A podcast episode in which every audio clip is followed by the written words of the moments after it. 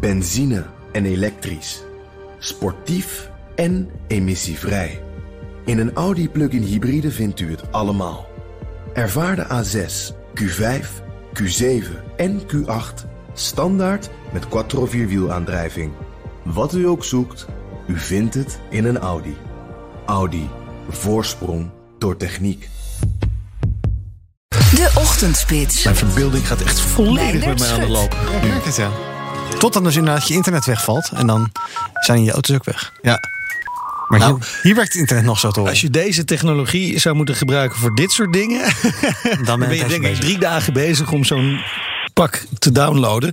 Ken je dit geluid nog? Je hebt het nog wel meegemaakt, Ja, toch? net. eh, ik weet niet zo goed. Voor mijn gevoel is het eind vorige eeuw een beetje klaar, toch? 98, nee, 97. Ja, Die- Connor, die jij staat hier al in de studio voor de tech-update van straks. Jij hebt dit nog, ook nog meegemaakt?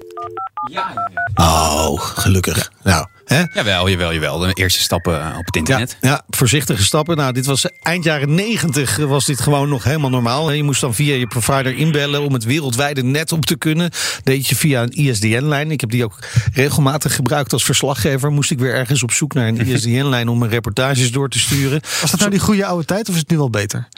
Eh, eh, In bepaalde opzichten was het wel een goede oude tijd. Het was in ieder geval wel eh, een stuk spannender. Maar ik deed dat zelfs eh, vanuit van, uit Oekraïne. Dan had je zo'n ISDN-lijn in een stadion Ja. of in een hotel. Maar in dat hotel, die, die, die internetkamer had je dan. Hè? Je had ook internetcafés en dergelijke. Maar de internetkamer was dan op slot. En degene met de sleutel van de internetkamer, die was er niet. Ja. Dus je kon niet, naar in, nou, geen- Ja. niet op internet. Ja, ja, ik ken dat soort verhalen ook wel. van, met z'n kabeltjes eruit rukken uit de muur en andere dingen erin. En dan, nou ja, goed. Ja, nou ja, eh, KPN stopt nu met die laatste internetverbinding op die ouderwetse manier van het inbellen. Dit dus.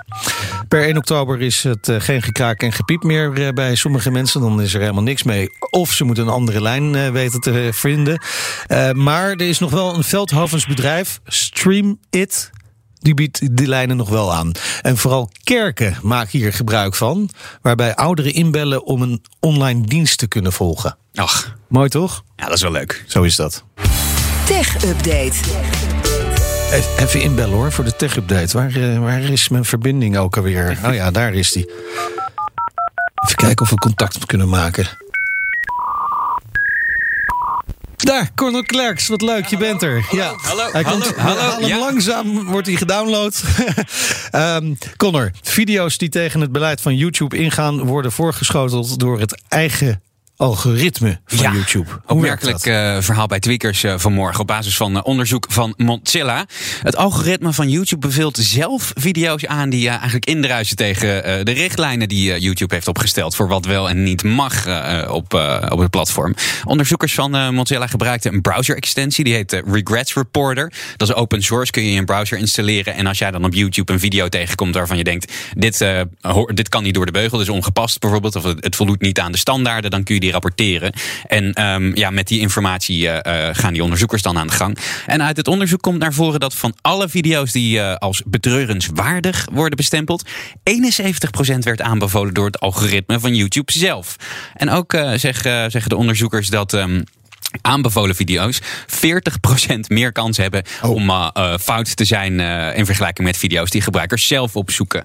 En ook opmerkelijk, landen waar Engels niet de primaire taal is, die hebben hier veel meer last van. Het aandeel foute video's ligt daar 60% hoger dan eh, in eh, Engelstalige landen. Oké, dan gaan we naar eh, Donald Trump. Die trekt opnieuw ten strijde tegen de grote socials, maar dit keer in de rechtbank. Ja, wat zullen we er eens eh, van zeggen? Donald Trump die heeft rechtszaken aangespannen tegen Facebook, Twitter en Google-moeder Alphabet. en de respectievelijke topmannen ook, Zuckerberg, Dorsey en Pichai. Op een persconferentie op zijn golfclub in New Jersey zei Trump dat die techbedrijven conservatieve standpunten censureren. Dat heeft er natuurlijk alles mee te maken dat hij zelf nergens meer welkom is. Hij krijgt eh, bij zijn zaak eh, eh, steun van het America First Policy Institute. Dat is een non-profit die ten tijde van zijn presidentschap is opgericht en zijn, zijn beleid altijd steunde. En Trump die probeert die rechtszaken een collectieve status te laten geven. Dus dan worden het class action suits namens alle zogenaamd gecensureerde conservatieven. Hij hoopt daarmee schadevergoedingen af te dwingen, maar veel kans van slagen heeft dat volgens experts niet. Ja, ik zie dus op Twitter zie ik ook berichten van mensen die dan een berichtje hebben gekregen van Trump. Oh ja, of ze willen dus, dokken. Ja, of je, hè, dus eh, waar hij niet aankondigt dat hij deze zaak gaat beginnen, maar dan vraagt hij ook gelijk om donaties. Ja, ja, tuurlijk. En wel de multiplier erop, hè? Vijf keer geloof vijf ik. keer, Ja. ja. Het zal eens niet, hè? Ja, goed. Dan gaan we naar Chinese gamers. Die moeten s'nachts hun gezin, gezicht scannen om te mogen spelen. Ja, eh, bizar verhaal dit, eh, onder andere bij de BBC. Tencent gaat het om, dat is een enorme speler op de gamemarkt in eh, China. En zij komen met een nieuwe gezichtsherkenningstool. Die is bedoeld om te zorgen dat kinderen niet kunnen gamen tussen 10 uur s avonds en 8 uur s ochtends. is misschien ook wel interessant voor jou thuis, Meindert. Die Dat tool die mogen ze heet- gewoon niet hoor. Er is geen scanner voor nodig. Nee, waar het om gaat, die tool die heet Midnight Patrol. En die heeft alles te maken De met scanner. avondklok. ja, precies. Jij kan het gewoon zelf Ja, Het heeft alles te maken met een avondklok voor gamen die in 2019 in China werd ingevoerd. Kinderen die mogen namelijk eh, niet meer gamen s'nachts. Ook omdat er, eh, eh, het gaat aan de enerzijds, om, eh, enerzijds gaat het erom dat eh, gamen schadelijke effecten zou hebben. Aan de andere kant gaat het erom dat er heel veel geld wordt uitgegeven in in-app eh, eh, aankopen door eh, kinderen s'avonds. En daarom moeten al langer gamers zich registreren met een officieel eh, identiteitsbewijs. Maar veel kinderen die schijnen dus eh die ID-kaart eh, uit het portemonnee van papa oh bijvoorbeeld ja, ik te zocht vissen. hem al. En daarom eh, komt Tencent nu dus eh, met een gezichtscan. Dat is een geruststellend idee uh, dit, Nou, dat, niet dat dat echt. zo gaat. Nou ja, het systeem wordt getest sinds eh, 2018, maar het wordt nu uitgerold in eh, meer dan 60 games.